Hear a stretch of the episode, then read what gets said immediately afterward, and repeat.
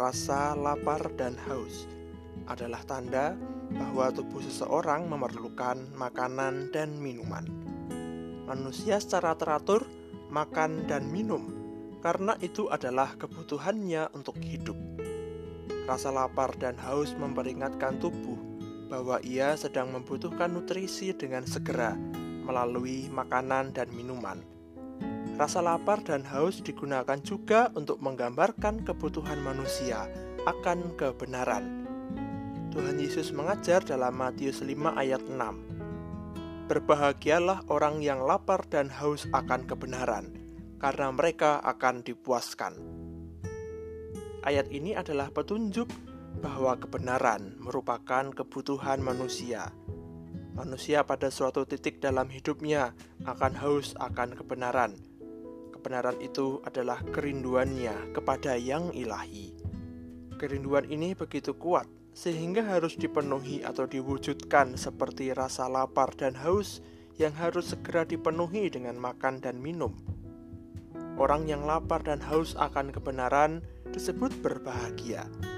Haus dan lapar akan kebenaran ini akan dipuaskan karena Tuhan sendirilah yang datang kepada manusia untuk memberikan kasih dan anugerahnya di dalam Yesus Kristus.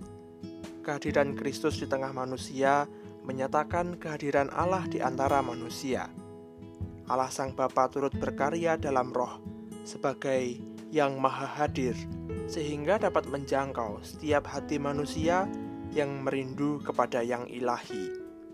Orang yang lapar dan haus akan kebenaran menyadari bahwa kebenaran itu adalah kebutuhannya. Ia tidak dapat hidup tanpanya, dan kebutuhan itu harus segera dipenuhi. Itu adalah kerinduan yang tulus dan bukan paksaan karena kewajiban atau suruhan agama.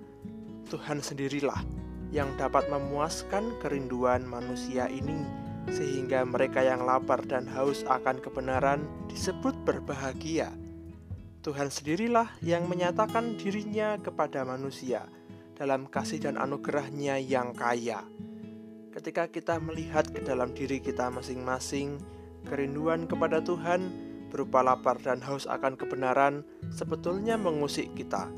Kita datang kepada Tuhan dalam doa, harapan, dan syukur. Kita datang kepada Tuhan dalam wujud berelasi dengan orang lain dalam kasih dan kepedulian kita datang kepada Tuhan dalam wujud perhatian kepada alam dan lingkungan. Datanglah kepada Tuhan sebagai kerinduan kepadanya, memuaskan lapar dan haus kita akan kebenaran tentang Yang Maha Kuasa, sumber kasih dan anugerah.